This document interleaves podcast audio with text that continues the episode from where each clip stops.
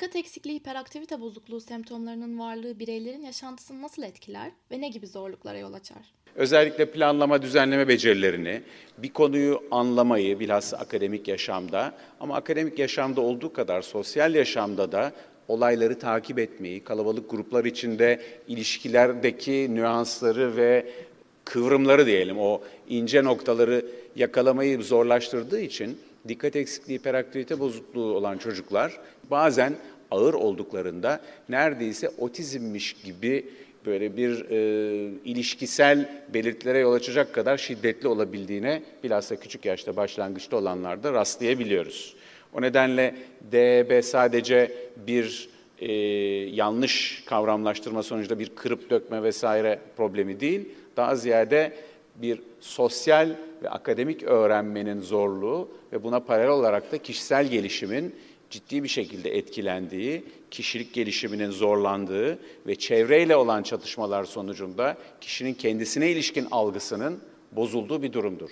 Ee, yine dürtüsellik ve kendini dizginleyememe gibi sorunlar sebebiyle sabırsızlık e, ve bu nedenle yapılan yanlış, alınan yanlış kararlar ya da yapılmaması gerekenlerin yapılması ya da yapılması gerekenlerin yapılmaması şeklinde ortaya çıkan durumlar sebebiyle birçok durumda sıkıntılara yol açar.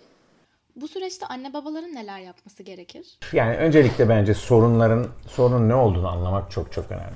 burada ne oluyor? Benim çocuğumda ne oluyor? Burada birinci iş kendi çocuğumuzu tanımak.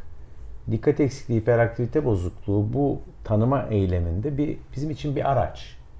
Hangi özellikleri var, nasıl bir çocuk, ne istiyor, ne seviyor.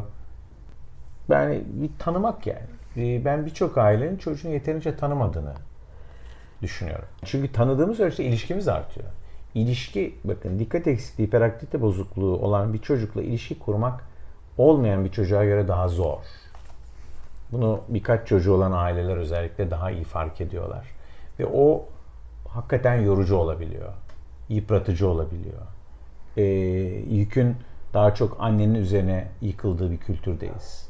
Doktora götürme onun üzerinde okulda öğretmenle yani bunu yapan babalar var ama e, bu iş daha çok annenin görevi. Baba da hani e, yardım ettiği için madalya vereceğiz. Hani bravo falan diyoruz nasıl bir baba diye. Yani halbuki herkes görevini yapıyor.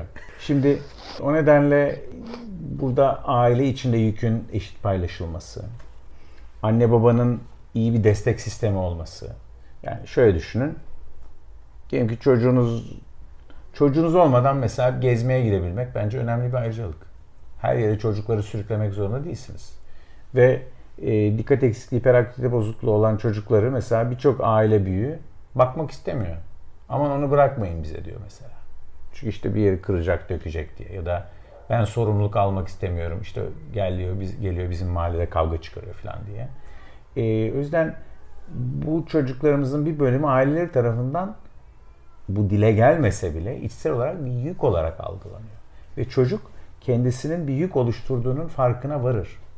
Ve bunu e, bir negatif duygu şeklinde hmm. yani istenmeme şeklinde hissetmeye başlıyor. Düşünebiliyorsunuz okulda istenmiyorsunuz, mahallede istenmiyorsunuz ve en önemlisi evinizde bile yani tabii ki çocuklar çok kıymetli ama anne babalara da anlayış göstermek lazım. Çünkü çocuğumuz bile olsa bazı davranışlar rahatsız ediciliğe aşikar.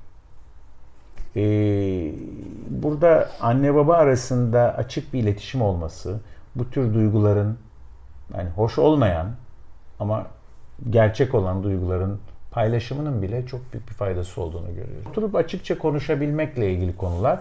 Yoksa işin disiplin kısmı hani ödev nasıl yaptırırız, işte ne zaman hangi işte yaptırımı uygularız, ne zaman ödül veririz vesaire hani bu tartışmalı konular var ya. Yani bunlar işte kitapları var. Açıp bakıyorsunuz oradan oluyor. Ama e, burada bir çamaşır makinesi ya da bulaşık makinesi tamir etmiyoruz. Bir canlı ve bizim için çok çok değerli olan ve iyi bir ilişkide olmak istediğimiz bir bir bireyle ve bizim devamımızı getirecek olan, biz gittikten sonra yaşamda bizim adımızı sürdüren, e, belki e, güzel şeyler yapmasını beklediğimiz, hayallerimizin taşıyıcısı olan bir bireyden bahsediyoruz ve çocuğumuz bu davranış sorunları ya da diğer gelişim sorunlarını da böyle olduğunda bizi hayal kırıklığına uğratıyor. Bu hayal kırıklığı insanda nasıl bir duygu yaratır? Kızgınlık, üzüntü. O yüzden bunların farkında olduğu zaman anne baba çocuğuyla çocuğumuzun problemleri tamamen ortadan kalkmayabilir. Ama biz ailemiz varlığını sürdürecek, e, yaşama devam edeceğiz, yaşamdan zevk almayı sürdürebilmeliyiz ve çocuğumuzun sonuna kadar çocuğumuz olan inancımızı ona yansıtmalıyız. Anne babaların özellikle kaçınması gereken durumlar var mıdır? Şimdi DEB için geçerli olan her şey aslında bütün çocuklar için de geçerli. Sadece DEB için özellikle geçerli.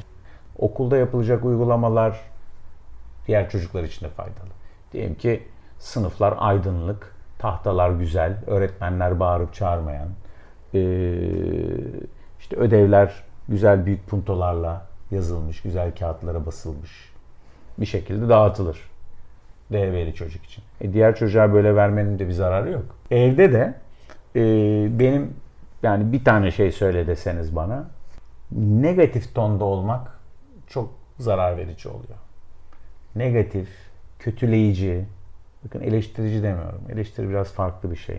Ama e, karşısındakine yani çocuğa kendisini bir e, işe yaramaz, lüzumsuz hissettirici, devamlı hata yapan, e, hiç hayatta doğru bir şey yapamayan birisi gibi hissettirici olmaktan kaçınmak lazım. Bu eksikleri görmeyelim, yokmuş gibi hareket edelim değil. Ama sadece onlar yok. Bunu bazen söyleyince bir kısım insan şey diye düşünüyor. Yani kendimizi mi kandıralım? İşte belli ne olduğu. Yani herkesin yani bilmiyorum güzel yumurta kırmak bile önemli bir şeydir. Mesela ödevlerini yapmıyor ama çok güzel sofra kuruyor ise bir çocuk. Sofrayı iyi kurdun demekte bir mahsur yok yani. Hemen orada araya keşke ödevini de böyle yapsan diye bir şey laf sokuşturmanın. Çünkü böyle bir e, refleks var anne var, babalarda. Var. Kaygı kaynaklı aslında. Yani belki yani bir fırsat düzeltebilirim. Hani şurada belki o da kulağına küpe olsun var ya o küpeyi takmayın yani. Gelişimsel bir bozukluk olan dikkat eksikliği hiperaktivite bozukluğunun etkileri nelerdir ve sağlık profesyonellerinin yaklaşımı nasıl olmalıdır? Gelişimsel bozukluklar baktığımızda dikkat eksikliği hiperaktivite bozukluğu da nörobiyolojik bir yatkınlıkla ortaya çıktığı için gelişen sistemlerin yani daha başlangıçta oluşmakta olan sistemin yanlış etkilenmesi ve bu yanlış gelişen sistemin çevreyle etkileşimlerinden negatif feedback alarak daha da bozulması gibi bir takım sonuçlar getiriyor. O nedenle çocuklara bu sadece psikiyatristlere götürelim, tedaviler yaptıralım değil, sistemlerin hangi noktada yoldan çıktığını, hangi noktalarda çocukların gelişimle ilgili yapmaları gelen noktalara gelemediklerini, gele, gelememiş olduklarını saptamak, bunu öngörmek ve bu konuda yönlendirmek e, çocuk hekimlerinin ve çocuklarla çalışan bütün sağlık profesyonellerinin öncelikli görevi. Bu zaten Amerikan literatürüne ya da Amerikan kongrelerine gidiyorsanız birçok çocuk hekiminin bu alanda ciddi bir ilgisi olduğunu hangi branştan olursa olsun görebilirsiniz. Nedenle çocukların gelişim aşamalarında nerede olduklarının takibini yapıldığı takdirde sağlık sistemi içerisinde eğitim sistemiyle ilgili gereken e, işbirliğiyle özellikle okul öncesi eğitimdeki gelişmelerle bu tür prevalansların azalabileceğini düşünüyoruz. DB'yi sadece bir ayrı bir bağımsız bir entite olarak değil, aynı zamanda başka problemlere yatkınlık getiren bir risk faktörü olarak da düşünmek mümkün. O nedenle semptomlar yatışsa da bile bazen problemin iyi tedavi edilmemesi, iyi ele alınmaması, iyi eğitim olanaklarının, iyi psikolojik destek olanaklarının sunulmaması başka problemlere yol açmakta. Bütün tıbbi problemlerde olduğu gibi kompansasyonlar ve komplikasyonlarla problem ilerlemekte. DB'nin kendisi kalmasa bile. O nedenle her şey gelecek için diye düşünürsek e, iyi ve vakitli bir tedavi, önleyici ve eğitime ağırlık verici bir e, psikososyal pediatrik yaklaşım, çocuk hekimlerinin burada ağırlıklı e, rolü olmasını bekliyoruz. Ve problemi sadece bir davranış kontrolü gibi düşünmeden bilişsel gelişimi, duygusal olgunlaşmayı, toplumsal uyumu, uyumu ve aile içi iletişimi de kapsayarak ele alan yaklaşımlara çok ihtiyaç var. Bu kesit Yankı Yazgan'ın 2017 yılında 5. Çocuk Dostları Kongresi'nde yaptığı Dikkat Eksikliği ve Hiperaktivite Bozukluğu başlıklı sunumundan ve 2019 yılında Çocuklu Dünya platformunda Araştıran Anneler kurucusu Burcu Özdemir ile yaptığı Hiperaktivite ve Dikkat Eksikliği başlıklı söyleşiden derlenerek hazırlanmıştır.